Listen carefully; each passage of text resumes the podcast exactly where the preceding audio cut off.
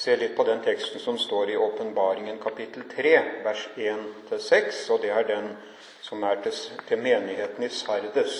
Dette er jo menigheter eller forsamlinger i Lille-Asia, i Tyrkia-området, vil vel si i vår tid. Og eh, det er jo Johannes, Jesu disippel, som skriver disse brevene, og han får dem ifra Gud selv, får de åpenbart, og han skal sende dem som et budskap til forskjellige menigheter i Lille-Asia. Og det er litt forskjellige tilstander i disse forsamlingene. Eh, det er ikke noen sånn Hva skal vi si eh, Noe som sies om hele området i Tyrkia, men eh, det tales direkte til den enkelte forsamling.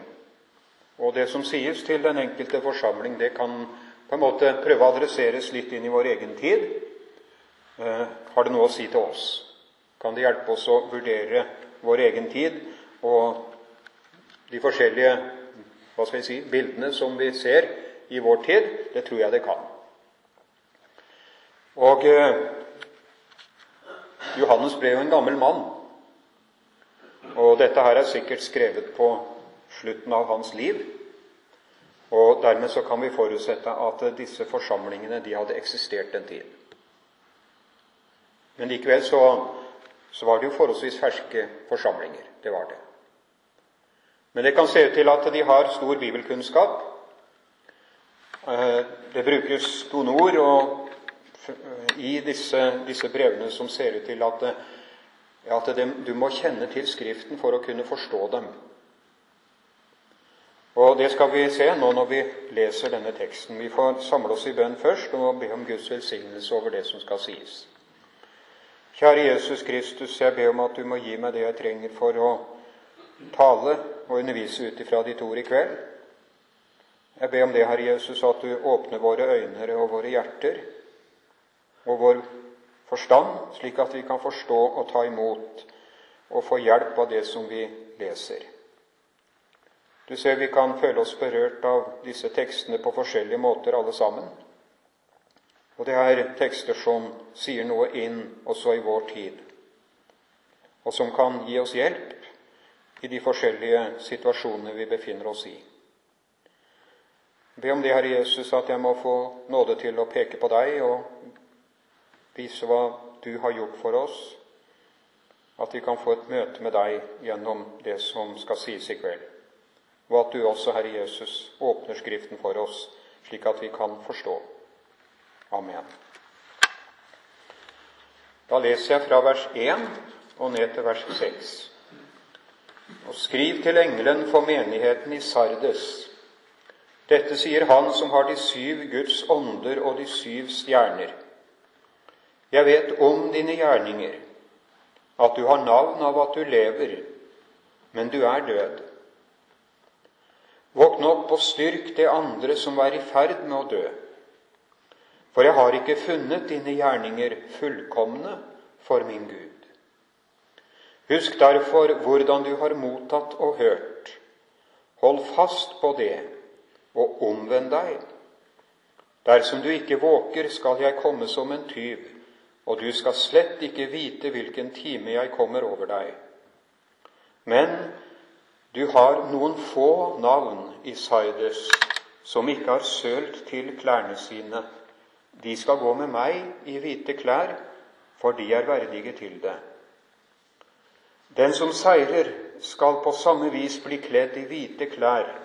Jeg skal så visst ikke utslette hans navn av livets bok, og jeg vil kjennes ved hans navn for min far og for hans engler. Den som har øre, han hører hva Ånden sier til menighetene kan gjerne merke oss den aller siste setninger.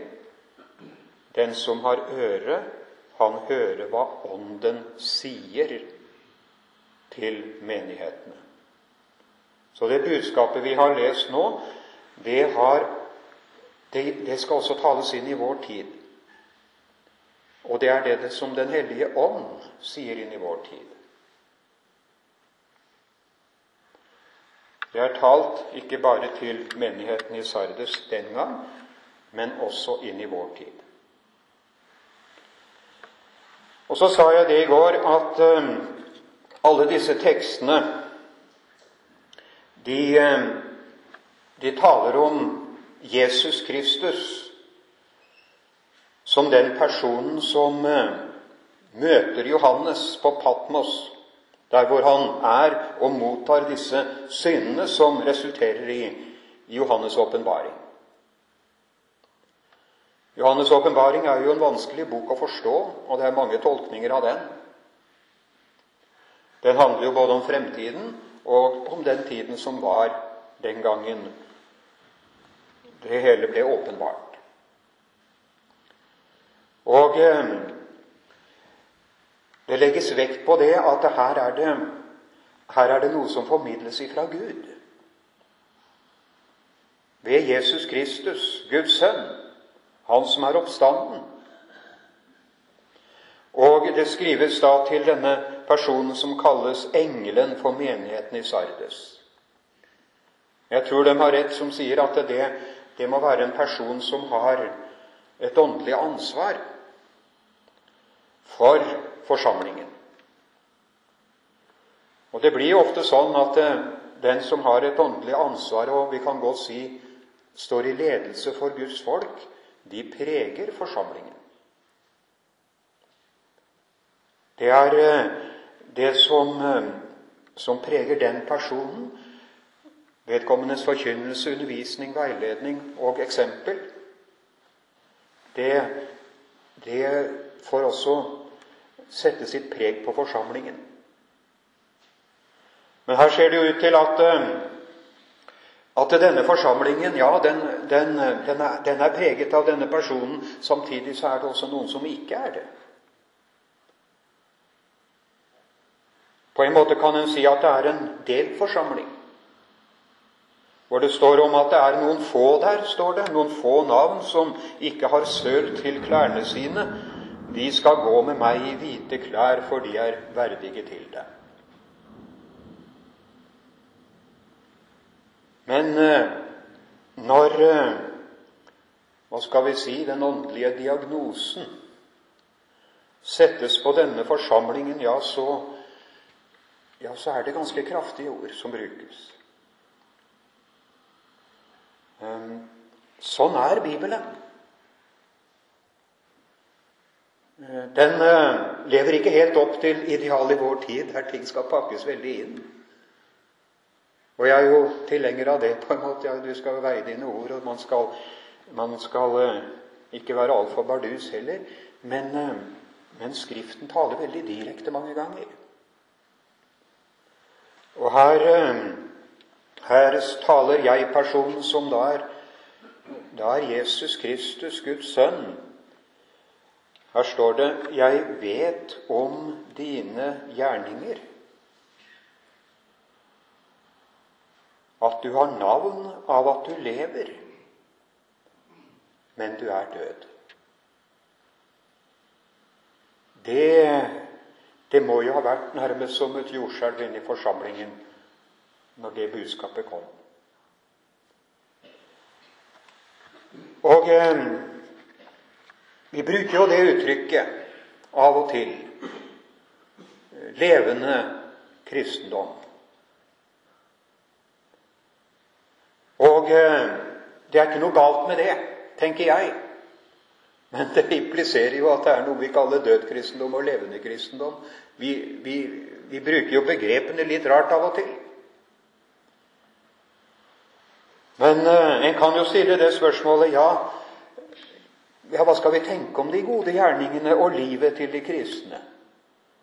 Er ikke det, er ikke det noe som Bibelen legger veldig stor vekt på? at uh, troen viser seg i livet og gjerningene. Jo, det er noe som går igjen i hele Skriften.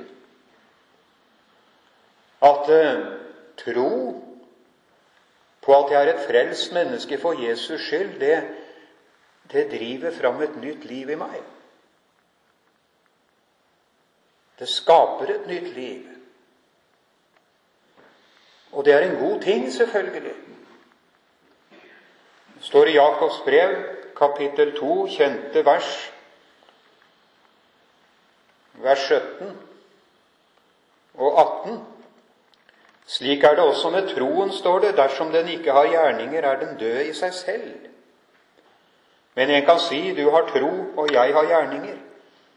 Og vis meg din tro uten gjerninger, så vil jeg vise deg min tro av mine gjerninger. Så tro og gjerninger henger jo selvfølgelig sammen.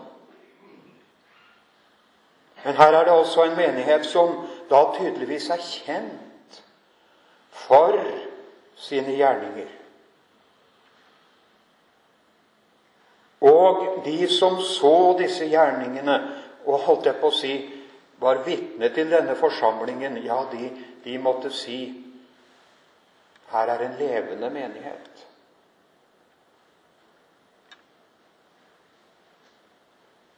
Her er det virkelig liv.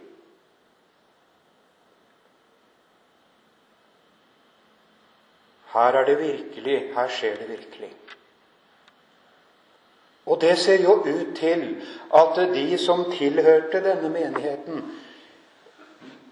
de vurderte sin egen status, hvis vi kan bruke det uttrykket, ut fra hva andre mennesker sa om dem. Det er en levende menighet, det ser vi jo alle. Her skjer store ting. Ja, sa de da, sånn er vi jo. Vi er levende. Folk legger merke til oss.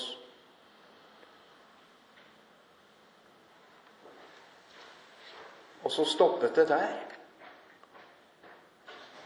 Man vurderte sin åndelige tilstand på grunnlag av hva andre mennesker sa. Og da kan det jo nesten se ut til at ja, til man hadde ikke noe problem lenger med sine gjerninger. Man var fornøyd med dem. Å si, målestokken var å si hva andre sa. Og da kan man i grunnen bli ganske hva skal vi si, tilfreds. Og spørsmålet om disse gjerningene holder mål osv., om de virkelig gjør det, ja, det, det blir bare liggende. Og så kommer dette hva skal vi si rystende budskapet. Veldig kort og kontist, rett og slett. Jeg vet om dine gjerninger at du har navn av at du lever. Men du er død. Det er eh, Ja, det er ganske rart å tenke på. De så levende ut, men var døde. Og Da jeg arbeidet med denne teksten, så måtte jeg stille meg det spørsmålet hvordan er det mulig? Hva er det som, ja, hva er, det som er galt her? Det fortsetter i teksten her, i vers 2. Der står det sånn Våkn opp og styrk det andre som er i ferd med å dø. Det er helt tydelig, som jeg sa innledningsvis, at her, her, er det noen som allerede er blitt åndelig døde, for å bruke det uttrykket, og andre som er på vei inn i det. Og så må det her hele reverseres. Styrk det som er i ferd med å dø. Ja, hvordan gjør jeg det? Og så kommer den setningen som jeg tror kanskje åpna denne teksten litt for meg. Ehm, jeg har ikke funnet dine gjerninger fullkomne for min Gud. Den ene setningen den den bringer inn det vi kaller et nytt perspektiv, ikke sant? Nå var det ikke lenger spørsmålet hva alle mennesker som så menigheten fra utsiden, sa, og hvordan de bedømte menigheten. Men spørsmålet ble hva sier Gud om den? Og eh, han sier jeg har ikke funnet disse gjerningene dine fullkomne for min Gud. Og det, det ordet 'fullkommen' det er jo et ganske krevende ord, egentlig. Er det sånn at vi kan tjene Jesus på en fullkommen måte? Kan våre gjerninger som kristne bli fullkomne. Når jeg prøver å se på det jeg gjør, så må jeg jo si nei. Det, det, det har jeg gitt opp. Men hvorfor likevel kommer det, kommer det der? Jeg har ikke funnet dine gjerninger fullkomne for min Gud. Jeg tror at det her så skytes den setningen inn fordi at de som tilhørte denne menigheten, var i ferd med å bygge hele sin kristendom på sine egne gjerninger. Selvfølgelig er vi kristne. Selvfølgelig er vi Guds barn. For det skjer så mye. Og vi får gjort så mye.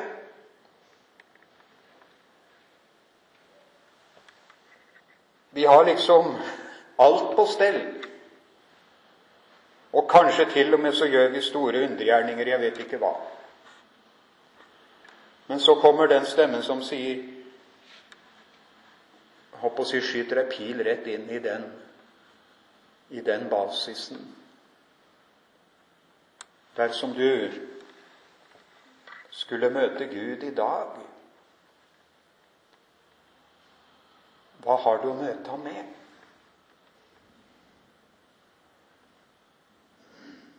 Er det gjerningene? I tilfelle er ikke det du møter ham med, noe som holder. Når Guds ord kaster lys over våre liv, så blir, blir det bare én dom, egentlig. Også over mitt kristenliv. Det holder ikke som en basis eller som forutsetning for min frelse. Og Det har jeg vel sagt før her. Jeg tror jeg sa det i fjor, men jeg møter av og til mennesker som sier til meg mer eller mindre direkte at jeg, jeg har ikke sett hva selve frelsen egentlig består i. Og Jeg har vel også fortalt det jeg kommer til å si nå noen ganger her, vil jeg tro. Men nå har jeg hatt en tur i Peru, sa jeg jo i går. Bare for en to-tre uker siden at jeg kom hjem. Og var der ute i to uker. Og traff de personene som jeg møtte på slutten av 80-tallet og begynnelsen av 90-tallet, og jeg fikk være med å se at de blei frelst. En av dem som nå har vært kanskje den mest betydelige lederen etter min vurdering, har jeg hatt litt kontakt med. Jeg fikk en lang samtale med han. Jeg møtte han som 24-åring på slutten av 80-tallet. Og jeg glemte jo at det hadde gått mange år siden sist. Og plutselig så var vi liksom i 20-tallet, åra begge to igjen. Men nok om det. Jeg husker en gang han kom til meg. Han, jeg fikk ansatt ham som evangelist, og jeg tok ham opp som medlem i sin tid. Og så kom han til meg en gang, og så sa han det at jeg, jeg får eh, Jeg føler hele tiden at det er noe som mangler. sånn. Jeg er med på forskjellige ting i søndagsskole, ungdomsarbeid, og jeg er ute og evangeliserer og, og slike ting. Men jeg har hele tiden en opplevelse av at, eh, at jeg mangler noe. Og så spurte jeg han hvordan leser du Bibelen? Leser du for å finne svar på hva du må gjøre? Og være for å bli sånn at du kan bli fornøyd når du ser på deg selv, og for at du kan si til deg selv 'Nå er også Gud fornøyd med meg'. Ja, selvfølgelig. Hva skal man bruke Bibelen til? Annet enn en bok som viser meg hva jeg må gjøre for å bli mer. Ja, nå enda høyere opp. Han brukte jo ikke akkurat det, de orda, men det var jo det det handla om. Og da tror jeg jeg fikk det liksom av hva jeg skulle si, og jeg sa det til ham. Nå skal du begynne å lese Bibelen på en annen måte.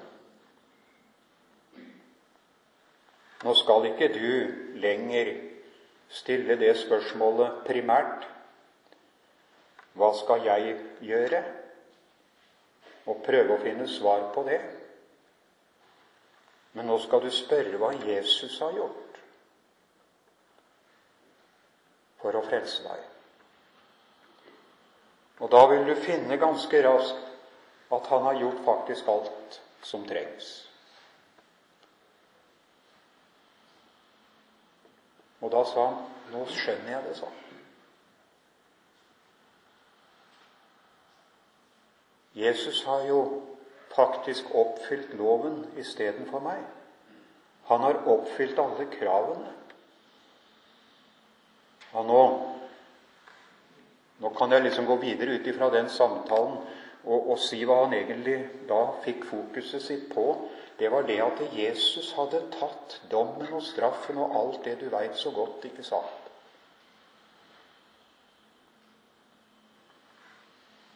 Jesus har gjort alt som skal til for at du kan kalle deg et Guds barn. Og Derfor så er det så viktig å ha det klart for seg at når det er sagt til oss alle Jeg har ikke funnet dine gjerninger fullkomne for min Gud. Så blir det ikke i fortsettelsen av det sagt nå skal jeg gi deg en oppskrift, slik at du greier å klatre opp de siste trinnene på den lange stigen, og så kan du stå på toppen og si 'Nå er jeg fullkommen'.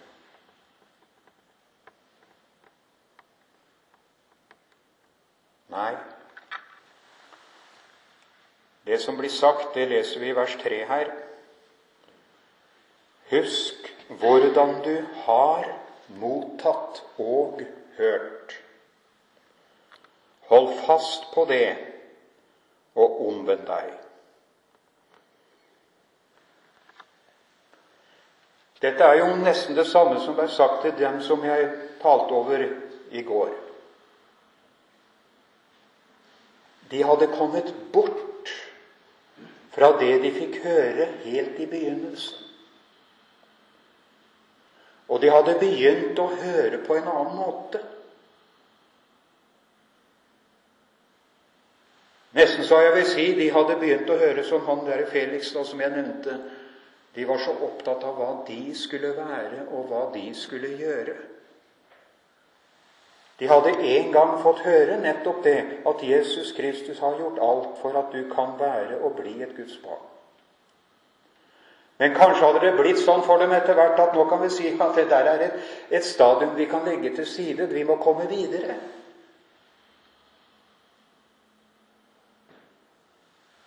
Det var kanskje et budskap som etter hvert forsvant. Også for bevisstheten og troen.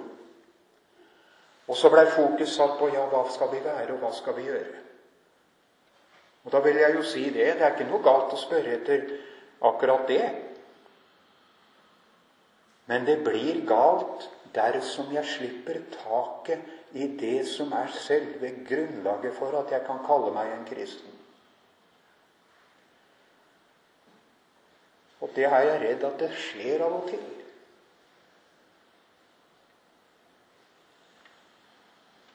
Jeg vet om dine gjerninger, at du har navn av at du lever, men du er død. Ja, hva er det som har skjedd, da?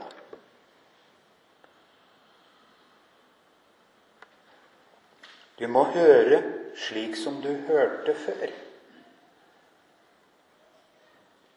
Jeg prøvde å lære denne mannen hvordan han skulle lese Bibelen, og hvordan han skulle høre. Og da vil jeg si det sånn, enda litt mer konkret nå. Ikke glem å lytte etter evangeliet, som taler om hva du har i Jesus Kristus. Så kan du på grunnlag av det du får høre om det, stille spørsmålet hva vil du jeg skal gjøre for deg? De to tingene må henge sammen.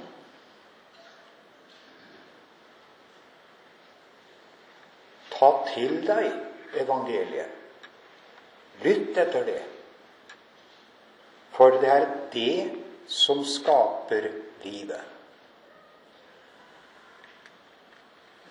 Si, Vi stiller det spørsmålet hva vil det si å være en være levende? Ehm, hvordan blir jeg det? I Skriften så står det litt om det, bl.a. i Kolossebrevet. Og det som står der, det kan kanskje overraske noen. Hvis du leser i vers 13 i kapittel 2, så står det følgende også dere var døde ved deres overtredelser og uomskårne skjød. Men Gud gjorde dere levende sammen med Kristus.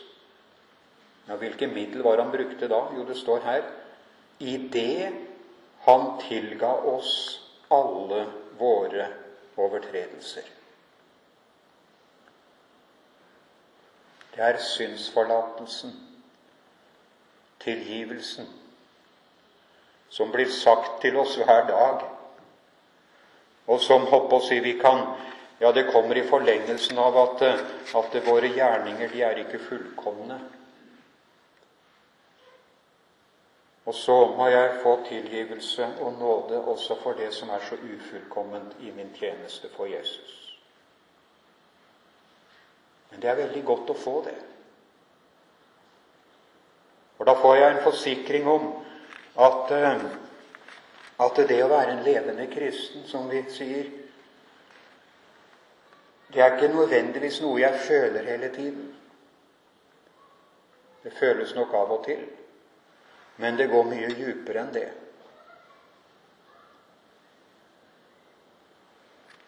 Det er å være en tilgitt synder. Og så står det her at eh, hvis du ikke omvender deg, står det ja, så kan jeg komme over deg som en tyv, og du skal slett ikke vite hvilken time jeg kommer over deg. Det er jo også et voldsomt ord. Jeg har lurt på åssen jeg skal forstå det. Men jeg har jo sett det. Det kan skje noe i livet ditt som gjør at du blir satt helt utenfor. Du kan bli syk. Og så fungerer det ikke sånn som det gjorde før. Du får noen begrensninger inn i livet. Og så kommer spørsmålet ja, hva nå? Jeg husker faren min han var syk i mange år før han døde. Det var en fæl sykdom. Men han sa det en gang, husker jeg, når jeg hadde kontakt med han, så sa han det er så glad jeg er et frelst menneske, sa han. At jeg har det som Jesus har gjort for meg. Han kunne ikke gjøre noe, men var likevel der han lå en levende kristen. Og sånn er det. Om vi skulle miste det som vi holdt på å si, bruker som et bevis på at jeg er en levende kristen, når det er noe som ikke holder mål, ja, hva har jeg igjen da? Jo, da har du det som holder i evigheten, og det er Jesus. Efeserbrevet, kapittel 2. Her står det også en tekst som sier litt om hva det vil si å være en levende kristen. Vers 4. Gud som er rik på miskunn, har på grunn av sin store kjærlighet som Han elsket oss med, gjort oss levende med Kristus, vi som var døde ved våre overtredelser. Av nåde, står det, er dere frelst. Han reiste oss opp sammen med ham og satte ham med oss med ham i himmelen i Kristus Jesus, for at han i de kommende tider kunne vise sin nådes overveldende rikdom i godhet mot oss i Kristus Jesus. For av nåde er dere frelst ved tro, og dette er ikke av dere selv, det er Guds gave. Det er det som, som Gud vil dra denne menigheten i Sardes tilbake til. Og det er nok en del som har behov for det. For det er så sterkt fokus mange ganger på det vi skal være og gjøre. Og det er som man glemmer at selve frelsen den er en Guds gave som jeg ikke skal få betale for. Den har Jesus betalt for. Og det kan jeg, jeg kan leve på det hele livet som en kristen. Og da blir gjerningene ikke noe jeg gjør for å supplere det Jesus har gjort. Men de kommer i et helt annet lys. Det står i fortsettelsen her Av nåde er dere frelst ved tro, og dette er ikke av dere selv, det er Guds gave. Det er ikke av gjerninger, for at ikke noen skal rose seg. For vi er Hans verk, står det i fortsettelsen, skapt i Kristus Jesus til gode gjerninger, som Gud forut har lagt ferdige for at vi skulle vandre i dem. Først så står det 'det er ikke av gjerninger'. Det gjelder frelsen. Og så skal vi få slippe å skryte av det overfor Gud, hva vi har gjort og ikke gjort, eller hva vi har prestert. Men det står likevel, når det er sagt at jeg skal få slippe å, å vise til de gjerningene i mitt forhold til Gud, så står det at vi er skapt i Kristus Jesus til gode gjerninger, som Han lagt ferdig for oss. Og Det er det altså få den rette forståelsen av forholdet mellom frelsen og gjerningene som er så viktig. Jeg kommer snart, sier Jesus. Og så sier han videre at det er noen få navn i Sardes som ikke har sølt til klærne sine. De skal få gå med meg i hvite klær, sier han for de er verdige til det. Jeg har lurt veldig på hvordan en skal forstå akkurat disse formuleringene. Og jeg tror en er nødt til å se det i lys av andre tekster, sånn som jeg gjør nå i Skriften. Det snakkes om klær. Hvite klær. Og eh, i Skriften er det faktisk et bilde på rettferdiggjørelsen. Det at Gud, når jeg tar, tar imot Jesus Kristus, ja, så gir, man, gir Gud meg Jesu rettferdighet, hans liv. Det blir nærmest beskrevet som, som en drakt som blir tredd ned etter hodet på meg, som er hvit og ren. Jesu rettferdighet, hans oppfyllelse av loven, den blir min. Og hvor ble det av mine klær? Jo, de blei hengt på han.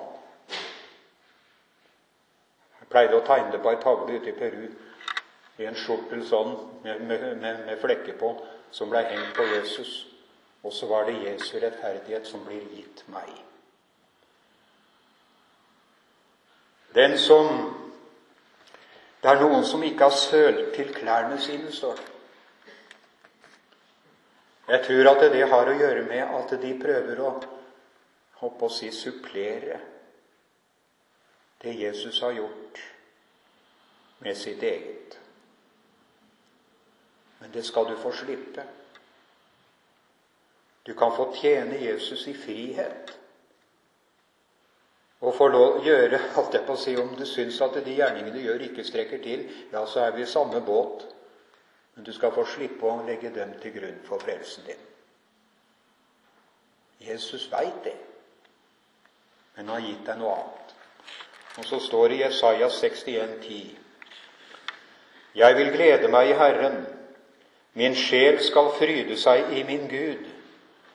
For han har kledd meg i frelsens drakt, i rettferdighetens kappe har han svøpt meg, lik brudgommen som setter på seg en lue, prektig som presten, og lik bruden som pryder seg med sine smykker. Jeg blir kledd i rettferdighetens kapp. Ja, det ser jeg jo ikke. Men det er Guds ord sier at det er sånn allikevel. Og Derfor så står det her i fortsettelsen 'Den som seirer', står det, skal på samme vis bli kledd i hvite klær. Og jeg skal så visst ikke utslette hans navn av livets bok, og jeg vil kjennes ved hans navn for min far og for hans engler den som seirer. Ja, det derre ordet 'seier', det, det er jo ikke så lett for oss, det heller. Vi har jo lett for å tenke at det er jo da å prestere best av absolutt alle. Og å vinne. Men her er det en annen seier det er snakk om. Det er å gå gjennom det kristne livet og holde fast på det som Jesus har gjort, som eneste grunnlag for min frelse. Paulus skriver om det, det sa jeg også i går, i 2. Timotius kapittel 4. Der skriver han, Det er kanskje noen av disse historiene han skriver.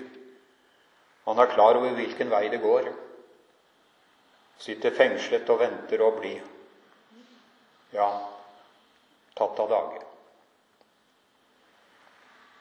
Jeg blir alt ofret, og tiden for min bortgang forestår, skriver han. Jeg har stridd den gode strid, fullendt løpet, bevart troen. Så ligger nå rettferdighetens krans rede for meg, den som Herren, den rettferdige dommer, skal gi meg på den dag. Ja, ikke bare meg, men alle som har elsket Hans komme.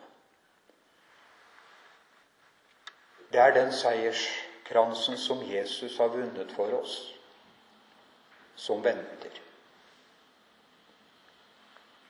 Og vi skal få holde fast ved det og tro det. Og så får jeg si det avslutningsvis. Jeg sa det vel innledningsvis òg at eh, det er en stor glede å tjene Jesus. Det er eh, noe vi skal få lov å glede oss over. At han kan bruke det vi gjør for ham, selv om det faktisk er ufullkomment. Og vi kan tjene Jesus med frimodighet. Selv om vi samtidig må si til oss selv ja, heldigvis, dette her skal jeg ikke, dette ikke På dette grunnlaget skal jeg ikke bli frelst. Men jeg gjør det for Jesus fordi han har gjort så mye for meg. Jeg vil gjerne takke ham for det han har gjort for meg. Med mitt liv og mine gjerninger. Og det er du velkommen til. Det er noe som, eh, som Jesus innbyr oss til, at vi skal få tjene Han på frelsens grunnlag. Og eh, Paulus skriver også om det. Bare sier, peker på et par tekster hvor det står litt om det. Han er bevisst på at han tjener Gud på nådens betingelser. I 2. Korinterbrev 4 står det sånn Derfor da vi har denne tjenesten i og med at vi har fått miskunn, mister vi ikke motet. Jeg har fått tjenesten fordi jeg først har fått miskunn og nåde. Da mister jeg ikke motet. Og så står det i vers 7 i samme kapittel Vi har denne skatt i leirkar for at den rike kraft skal være av Gud og ikke fra oss selv. Hva er levende kristendom og levende tro? Jo, det er det at Jesus og det han har gjort for oss, skinner igjennom de skrøpelige karene som vi er. At han får sette sitt preg på oss. Men da må jeg få leve først sammen med han. Og så kommer det nye livet som en følge av det. Takk, Jesus Kristus, for ditt ord til oss. Jeg ber om at det må bli til velsignelse, det som er sagt. At det må bli til klargjøring, Herre Jesus. At det må bli til hjelp for de som har hørt. Takk at jeg kan få leve i trua på at din, det du har gjort for meg, det holder når det gjelder min frelse. Og så takker jeg deg for det at jeg skal få tjene med det lille jeg har, og at du kan bruke det. Amen.